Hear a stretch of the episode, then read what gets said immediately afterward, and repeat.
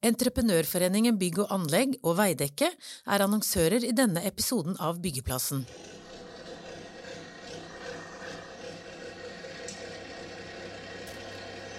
Er mangfold bare et ord ledelsen smykker seg med, eller jobber en aktivt med dette?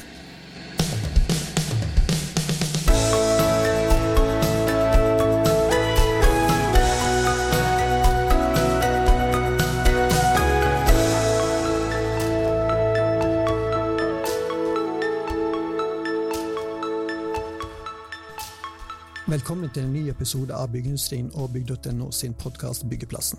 I dag skal vi snakke om mangfold, et tema vi har jobba mye om her i redaksjonen den siste måneden. Og Med oss i studio for å prate om det har vi gravemaskinfører Thomas Jacobsen fra Isaksen Anlegg og Lovlin Brenna, grunnlegger fra SEMA, Senter for mangfoldsledelse. Og I dag er ikke de faste programlederne Frode Aga og Kristian Aarhus som står her i studio, men det er meg, Arve Brekkhus heter jeg, redaktør i Byggindustrien. Og med meg som programleder har jeg deg, journalist Svanhild Blakstad, og i byggindustrien bygg.no. Og først, Svanhild, kanskje du kan si litt om arbeidet knytta til mangfold i byggenæringen som byggindustrien har jobba med den siste, siste tiden? Eh, ja, i, i, årets første utgave av Byggeindustrien så har vi valgt å lage en egen temabolk, hvor vi setter et ekstra søkelys på det med mangfold i bygg og anlegg. Og det er jo mye snakk om mangfold, og alle i gåseøynene vil ha det. Men det blir ofte snevra inn til å handle om kjønn og etnisitet. Vi hadde lyst til å undersøke litt nærmere om hvordan det egentlig ligger an, og om det er rom for alle som ønsker det, å jobbe i næringa. Det ønska vi å belyse både med tall og fakta, men òg med eksempler. Og for å få til det, så gikk vi ut på bygg.no med ei etterlysning, hvor vi oppfordra leserne våre til å komme med egne historier og tips. Og det har resultert i 24 sider i bladet vårt med artikler hvor vi har med historier både fra lærlinger, fra fagarbeidere, fra toppledere, organisasjoner, Nav og fra flere andre instanser. Og Da tenker jeg at vi kan bringe ned to gjestene våre for å kaste litt mer lys over dette. Og Thomas, du er jo faktisk på forsida av siste utgaven av bladet vårt, eh, og du er jo maskinfører i Isaksen Anlegg, som vi nevnte. Eh, det vi ikke har nevnt, er at du sitter i rullestol. Eh, du kan jo kanskje først fortelle litt om hvordan det skjedde, og hvordan du havna i, i, rullestol? Ja, først må jeg si takk for at jeg fikk lov til å komme. Veldig hyggelig. Eh, jo, jeg skada meg i 2008 under en innebandykamp, og ja, endte opp i rullestol da, etter det. Mm. Og så gikk det håper å si, slag i slag med hockey og ski og diverse. Og så endte jeg til slutt opp i en gravemaskin. Mm. Ja. ja øh... Da kan du kanskje du fortelle litt hvordan du kom inn i, kom inn i næringen. da. For det var litt tilfeldig ute og gå der, var ikke det? Jo, det var egentlig veldig tilfeldig. Eh, for det begynte jo med at jeg, faren min sa da jeg var i Forsvaret, at um, ta alt av sånne sertifikater og sånn der, for det er gratis, det er kjekt å ha, men vet aldri når du får brukt det. Så da tok jeg på Gravei dumper og hjullast der, og så la jeg det i holdt på å si, roteskuffen. Hadde egentlig glemt at jeg hadde det. Og så um, Han jeg delte rom med på Kjælkåken, han kjørte gravemaskin i Nord-Norge, i et pukkverk. Og han inviterte meg opp dit. Jeg fikk prøve gravvær. Endte med at jeg spurte om jeg kunne få jobb, som igjen resulterte i at jeg fikk jobb. Så da var det bare å hive seg rundt da, mm. og begynne å jobbe der oppe. Mm. Du trives godt i den uh, rollen? Ja, veldig.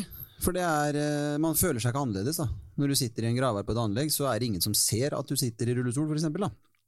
Og um, du gjør akkurat det samme som det du hadde gjort, eksempel. Så det er helt topp. Så ja, men nå, Thomas, nå jobber du ikke oppe i nord lenger. Nå jobber du for eh, Isaksen, som vi sa i starten her, og du er på et prosjekt i Oslo, på Ulven. Og en kollega og jeg vi var jo og besøkte deg på jobb i starten av januar. Mm. Da fikk vi jo se ved selvsyn hvordan din arbeidsdag eh, er. Ikke hele arbeidsdagen, da, for vi var jo bare en time. Men kan ikke du fortelle litt hvordan en arbeidsdag arter seg, da? Den begynner 03.45. Eh, da ringer klokka. Og så er det stå opp og vekke kroppen, holdt jeg på å si. Så kjøre innover til Oslo, da. Så er jeg på anlegget rundt sånn halv seks, kvart på seks. Og ja, jobber til hun er sju mm. på kvelden. Så tar vi fri på fredagen. Det er litt deilig. I morgen har du fri. I morgen har vi fri. Og eh, hvordan har arbeidsgiveren eh, Isaksen Anlegg lagt til rette for at du skal kunne gjøre, gjøre jobben din? For det er jo litt, eh, litt tilpasninger. De har jo først og fremst tørt å gi meg sjansen, det må jeg si.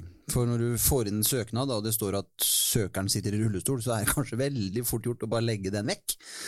Eh, Så det var jo første de. Og så kjøpte mine gravær, bygde om den i samarbeid med Nasta og Nav Hjelpemiddelsentralen. Og så har jeg fått mye utstyr da, som gjør det veldig mye enklere for meg. Som jeg slipper å hoppe ut av graveren for å dra ut koblinger og sånt noe. Alt sitter i noe som heter Oilquick, som er da et system som gjør at oljetilførsel og sånt noe styres innentil graveren. Så det er faktisk veldig ålreit. Det er det. Så uten, uten dem så hadde jeg ikke, hadde jeg ikke kjørt graver. Så enkelt er det. Vi tar en kort pause fra byggeplassen for å høre fra våre annonsører. I Veidekke er økt mangfold og inkludering et satsingsområde. Vi tror mangfold er viktig i seg selv, men tror også på at ulike kompetanser, egenskaper og erfaringer bidrar til bredere perspektiver, smartere løsninger og bedre beslutninger. Vårt inkluderende og involverende lederskap er noe av det som gjør oss unike, og som skaper et arbeidsmiljø med respekt, trygghet og tillit. I Veidekke skal ulike mennesker ha like muligheter. Og da er vi tilbake på byggeplassen. Da tenker jeg vi skal få inn eh, Line òg. Eh, mangfold det er jo et veldig vidt begrep. Hvordan vil du definere mangfold, egentlig? Ja, men først må jeg jo bare si ros til Thomas sin arbeidsgiver, som har eh, faktisk ikke bare turt, men har satset på talent. Satset på, altså Når du står opp eh, så tidlig og holder på til sju om kvelden, og du brenner Jeg hører jo gnisten når du snakker om arbeidsplassen din, så er det en investering som er uvurderlig. Så, så fantastisk. Så er det til mangfold. Eh, mangfold er jo alle oss som sitter her, eh, og alle de som er utenfor dette rommet. Så alle vi utgjør et mangfold på grunn av ulik alder, ulik kjønn, ulike personligheter, ulik familiebakgrunn, ulike evner, eh, ulik oppvekst, utdanning, arbeidserfaring. Så sånn sett så kan vi si at samtlige mennesker på denne jorda utgjør et mangfold. Men når vi likevel velger å sette fokus på dette, eh, så er det fordi at i det øyeblikket du får en person med en annen kulturell bakgrunn, en annen etnisk bakgrunn, nedsatt funksjonsevne, en annen eh, seksuell legning, kvinne i et mannsdominert miljø, menn i kvinnedominert miljø. Det er ikke da mangfoldet oppstår, men da blir spennvidden i mangfoldet utvidet. Og når spennvidden blir utvidet, så utfordrer det organisasjonssystemer, tilrettelegging, språk, holdninger, hvilken type inkludering har du? Eh, Det utfordrer også måten vi samhandler på. Så det er den utvidede spennvidden vi har fokus på når vi snakker om mangfoldsledelse. Fordelen med å ha fokus på mangfoldens utvidede spennvidde er jo at den rommer hele mangfoldet. Hvis vi kun tenker at mangfold er et generelt begrep, så blir det til at det blir den dominantgruppa som definerer. Da får du ikke alle med minoritetsbakgrunn med. Men tar du fokus på minoritetene, så får du hele gruppa med alle ansatte med. Så, så det å fokusere på mangfold, sånn som dere gjør i, i bladet nå, eller vi snakker om her, så betyr ikke den tilretteleggingen for Thomas eller for meg, eksempel, hvis det skulle vært en tilrettelegging, så betyr det ikke at vi svikter alle andre, nå blir det særbehandling, men ved å fokusere på annerledesheten, så vil du også inkludere alle andre. Eh, og det er jo der det ofte glipper, da. Eh, kan jeg bare bruke ett eksempel? La oss si at det er i en, i en organisasjon i byggeindustrien, så har de bare menn, og så bestemmer de seg for at nå skal vi ansette kvinner. Så første kvinne de rekrutterer, kan være en kvinne som tilhører majoriteten i samfunnet. Begynner på arbeidsplassen, så blir hun en minoritet. Denne kvinnen vil høre holdninger, eller observere holdninger, høre et språk, høre eh, samhandling på en slik måte som ikke favner mangfoldet. Det kan være holdninger der som kan være eh, diskriminerende, det kan være ugunstig i forhold til kvinner, og hvordan man eh, snakker om kvinner. Hun opplever også at eh, systemene i organisasjonen, kulturen i organisasjonen, er utviklet av menn, for menn, og det er bare menn som jobber der. Og kanskje hun må prestere ti ganger mer enn sine mannlige kollegaer for å, da, for å bli vurdert i det hele tatt til å få en forfremmelse eller et prosjekt. Og seks måneder etterpå sånn, setter dere en ny kvinne, og denne gangen er det en kvinne med en annen hudfarge. Og denne kvinnen vil observere andre ting, fordi denne kvinnen er jo også minoritet i samfunnet, og hun tar med seg mye av det hun opplever i samfunnet, inn på arbeidsplassen. Så hun observerer holdninger, hører undertoner og språk, eh, systemer som kanskje diskriminerer henne på en annen måte enn det hennes kvinnelige kollegaer gjør. En tredje kvinne kan være en kvinne med hijab, som da kommer religionen inn, og en fjerde kvinne med nedsatt funksjonsevne. Alle disse utgjør et mangfold, og alle de er kvinner.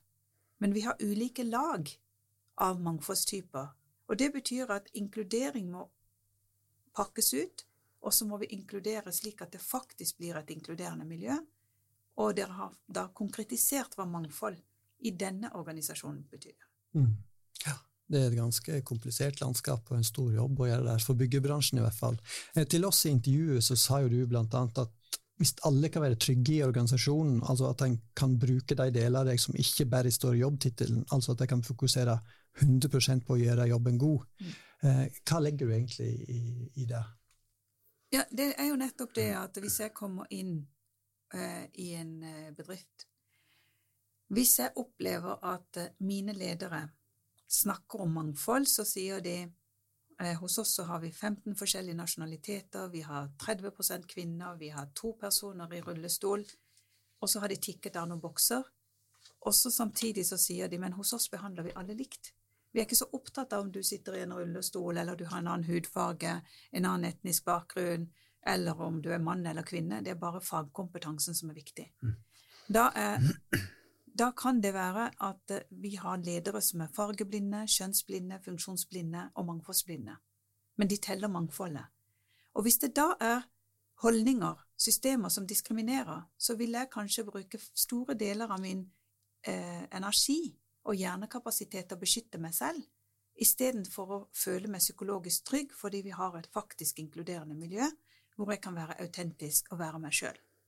Og da vil jeg jo yte mye mer hvis jeg kan være trygg på arbeidsplassen, enn det jeg klarer hvis jeg bruker store deler av min energi på å beskytte meg selv, for da vil jeg underprestere. Mm.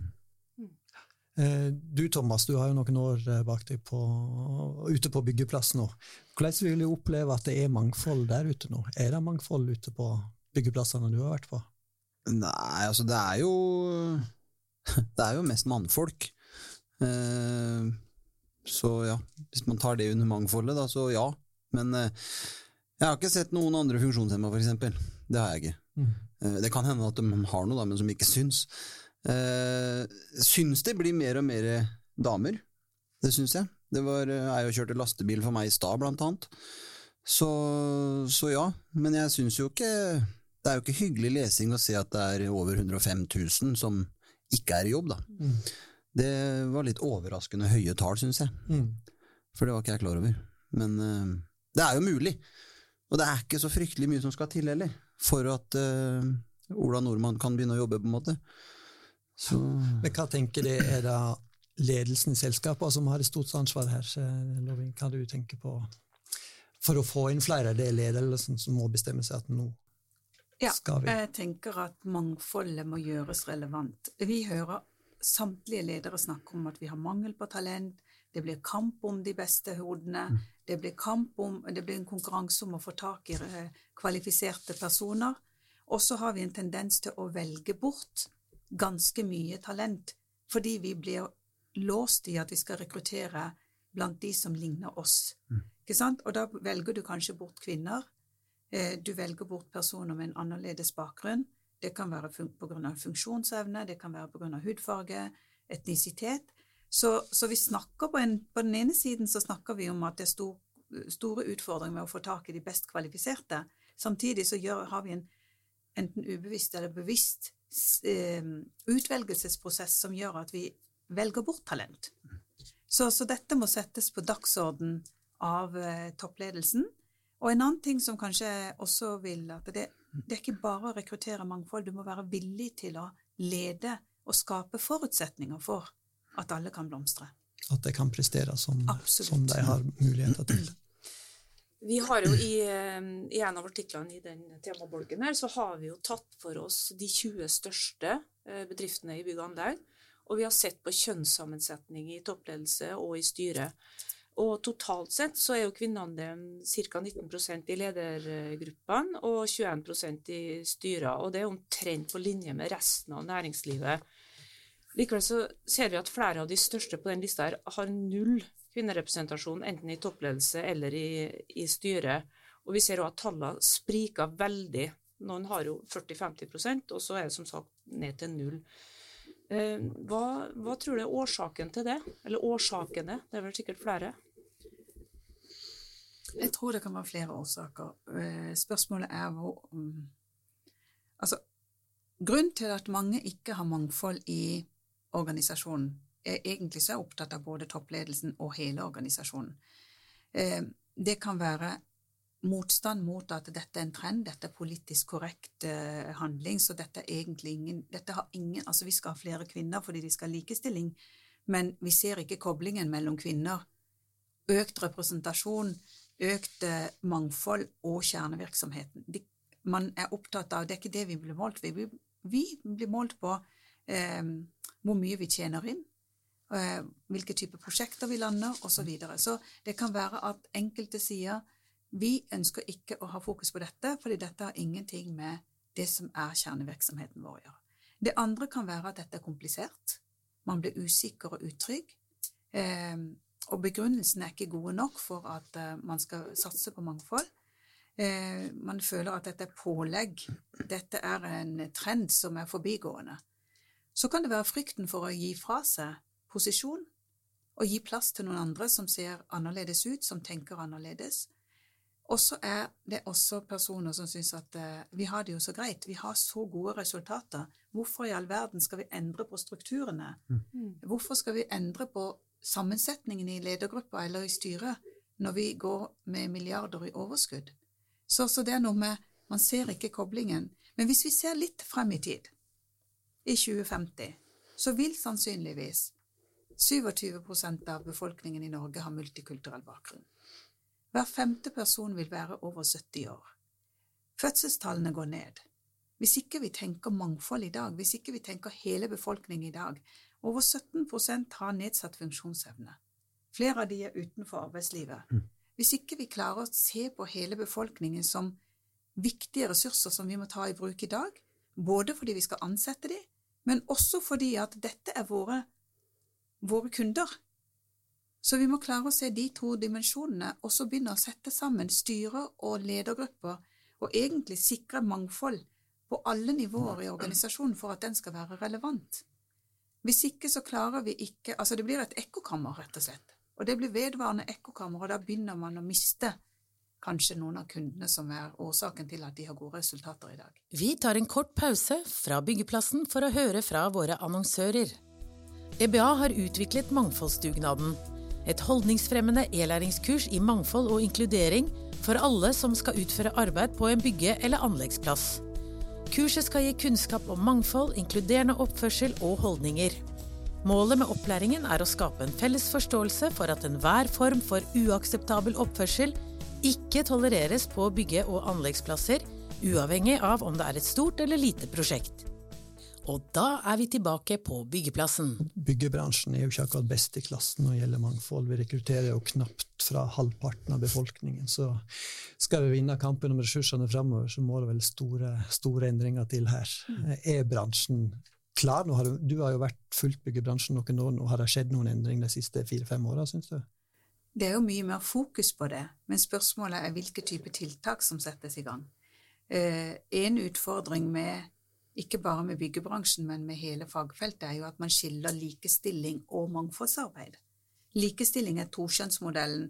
Eh, likestilling handler om kvinner og menn, og da høres det ut som at likestilling handler om de funksjonsfriske personene som tilhører majoriteten. Så kommer meg og Thomas, det er mangfoldet. så skal vi først lykkes med kvinneandelen, og så skal vi begynne å sette fokus på mangfold. Det er bare det at meg og Thomas er også kvinne og mann. Man glemmer bare at mangfold Det er ingen som er bare en mann eller en kvinne. Nei. Alle vi er hele mennesker. Så hvis byggebransjen kunne ha begynt å se på hele mennesket, så hadde vi kommet mye fortere i gang med mangfoldsarbeidet. Og ikke bare tenke kvinner i lederposisjoner og i stab, men tenk kvinner i prosjekter. Ute. Og skape. Ja, for det vil utnytte kompetansen og bredden de gir. For du sa jo òg til oss i intervjuet at mangfold er ikke Altså mangfold for mangfoldets skyld. Det er ikke det som er grunnen til at du skal rekruttere. Det må være kompetansen og bredden det bringer med seg. Ja, og da skulle jeg ønske man hadde også fokus på hva er mangfoldskompetansen min og Thomas sin. Hvordan ser verden ut fra mitt perspektiv? Altså, hvordan ser det ut, altså, hvordan, hva er mine preferanser? Hva, hva er det jeg legger vekt på når jeg er ute og handler? Vi skal bygge et hus, bare der så har vi helt annen type bestilling enn det som er vanlig i Norge. Og det syns jo det arkitektfirmaet vi samarbeider med, de syns det er kjempegøy. Og da er de ikke inne og googler eller sjekker hvilke modeller vi har i Norge, men de er i India. Mm. Og ser hvordan skal vi få frem ideene fra India inn i dette byggeprosjektet. Det, det skaper jo nye markeder, ikke sant? Og da jeg, Hvis jeg hadde hatt mulighet til å samarbeide med Thomas, så ville jeg ha tenkt hvordan kan Thomas nå gjøre meg god til å se verden på en slik måte at det skaper et mer inkluderende samfunn, mye mer likeverdig samfunn, eh, ikke bare på språk og holdninger og sånt, men utvikle prosjekter. Da tenker jeg ikke bare universal utforming, men tenker helheten. Og jeg er sikker på at eh, hvis vi skulle ha sett på min og din mangfoldskompetanse, så hadde vi fått på mange flere lag som kunne ha vært en gullgruve for industrien. Du var jo litt inne på det i stad, Thomas, at det var 105 000 funksjonshemma utenfor arbeidslivet i dag. Eh, Hvorfor tror ikke vi klarer i større grad å utnytte oss av den eh, kompetansen som åpenbart ligger der? Det er et stort spørsmål. Men eh, for min egen del så tror jeg at det er veldig mange som vil, og som kan, som er kapable til å jobbe, men som kanskje ikke får jobb. Fordi at de i en søknad eksempel skriver at det og det er feil med meg, holdt jeg på å si. Og, og da blir de lagt i du har vel opplevd begge deler der sjøl? Ja, det, men jeg er ganske sta, da, så jeg gir meg ikke. Så jeg, eh, den ble ikke kvitt meg. Så til slutt så måtte den vel si ja, nei da. Men, men nei, det, jeg tror faktisk det ligger litt hos, hos arbeidsgivere generelt. Ja. At når de får inn en søknad, da, si fra meg som sitter i rullestol, så skriver jo jeg at jeg sitter i rullestol, det må jeg jo.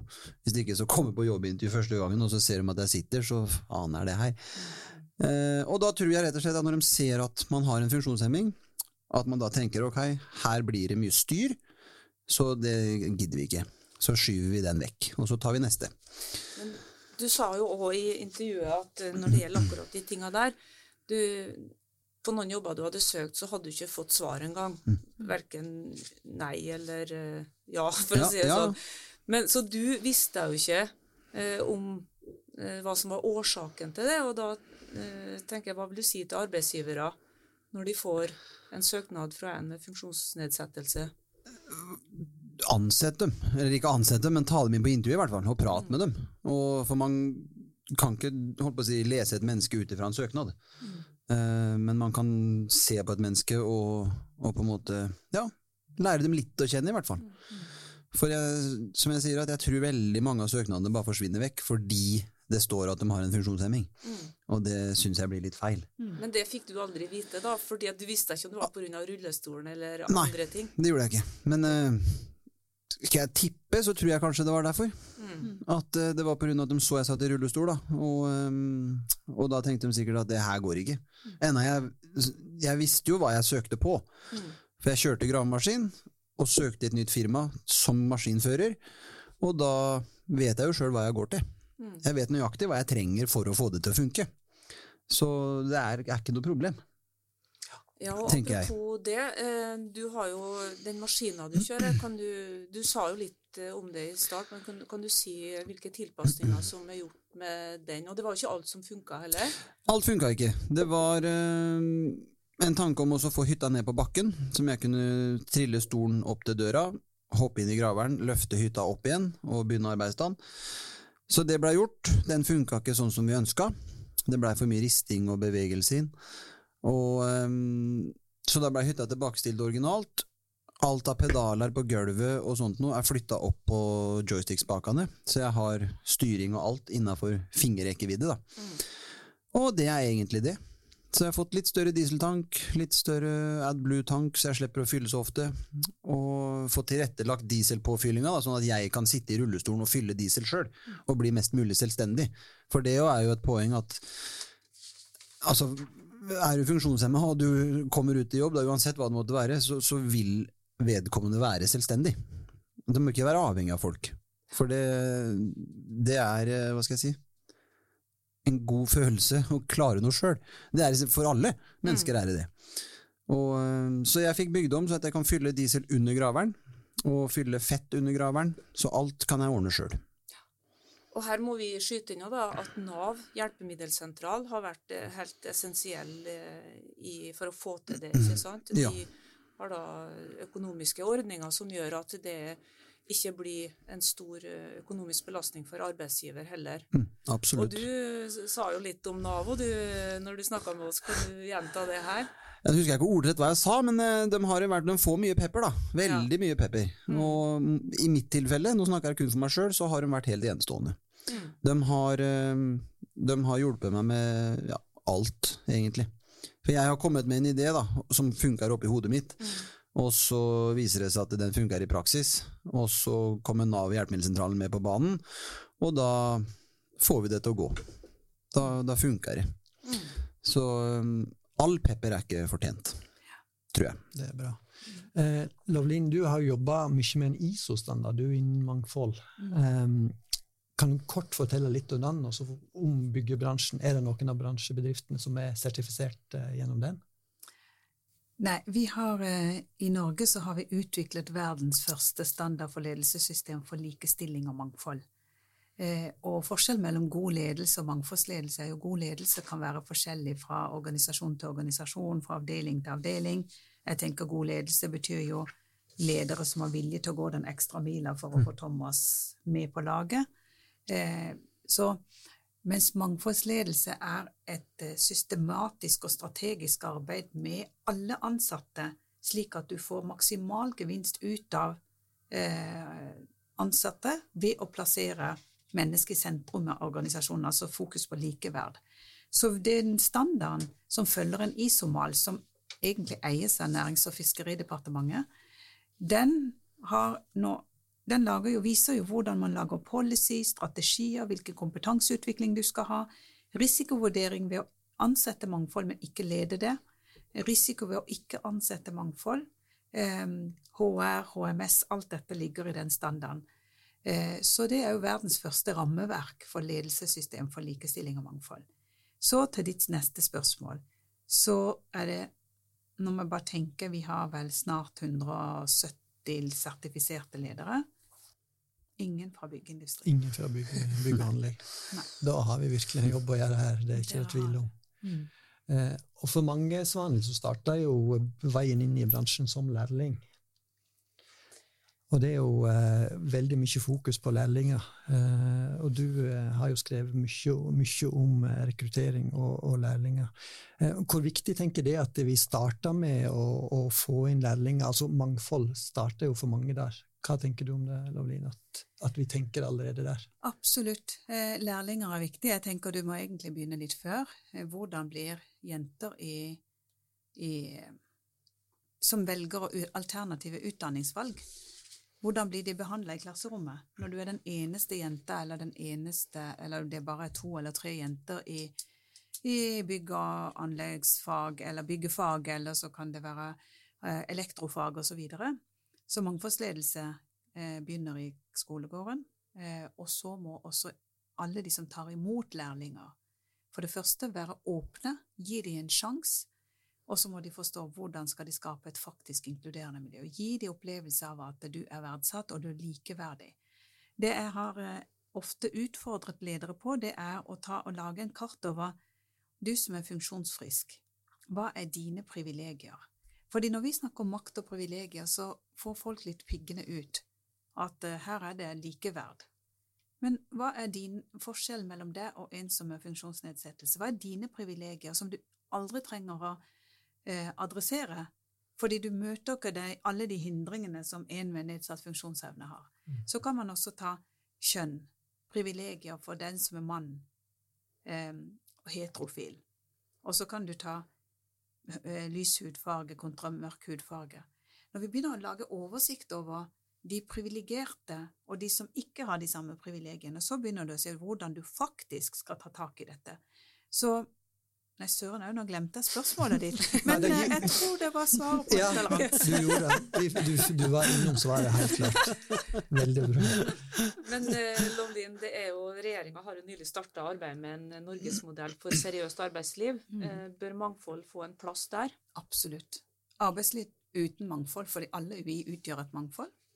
Og skal vi faktisk ha en seriøs, et seriøst arbeidsliv, så må mangfoldet få plass. Mm. Fordi det betyr også inkludering og likeverd, ikke likhet. Mm. Mm. Eh, På starten av denne episoden så stilte jo spørsmål om mangfold kun er et ord som vi smykker oss med, eller om dette er noe faktisk vi jobber aktivt med, og at ikke det bare er noen ord i de fine talene. Hva tenker de om det? Vi kan jo begynne med deg, Thomas. Hva tror du? Skjer det ting nå, eller er det mest snakk? Helt ærlig så tror jeg det blir mest snakk. Det er min personlige mening. Jeg skulle ønske det var feil. Jeg håper det er feil. Men uh, jeg tror nok det blir ja, pjatt, Mm. for å si det rett ut. Mm. Litt sånn som du sa i stad, og Lovlin, at det, det er veldig mye snakk om det, og man sier at man skal gjøre ditt og datt, og vi må satse på det og sånt noe, men jeg, nei, jeg har ikke helt trua, dessverre. Det må jeg si. Hva Jeg tenker- håper jeg har feil. Hva tenker du, Lovlin? Jeg er jo veldig glad for at veldig mange har begynt å snakke om det.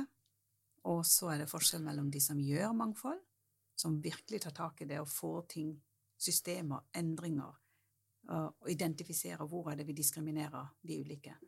Og så er det de som bare har enkelte kosmetiske tiltak, sjekker, tikker av bokser, og så går de videre. Så det er nok eh, variert. Nei, Det blir spennende å følge. Vi skal i hvert fall gjøre vårt eh, her i Byggendustrien for å løfte tematikken opp eh, jevnlig. Eh, og Mangfold er jo et stort og viktig tema, men her i Byggeplassen pleier vi egentlig å være ganske rigide når det gjelder tid, og hvor lenge vi skal holde på. Og nå er vi kommet dit at tida er begynt å, å renne litt ut. Eh, men et så stort tema så dette skal vi helt klart komme tilbake til.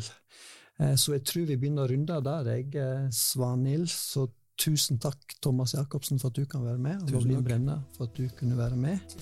Eh, mitt navn er Arve Brekkhus og Svanhild Blakstad, og vi kommer snart tilbake med en ny episode av Byggeplassen. Gi oss gjerne en tilbakemelding eh, til redaksjonen der du eh, hører dine podkaster. Vi ønsker gjerne å høre fra deg som, som lytter på oss. Takk for nå. Entreprenørforeningen Bygg og anlegg og Veidekke var annonsører i denne episoden av Byggeplassen.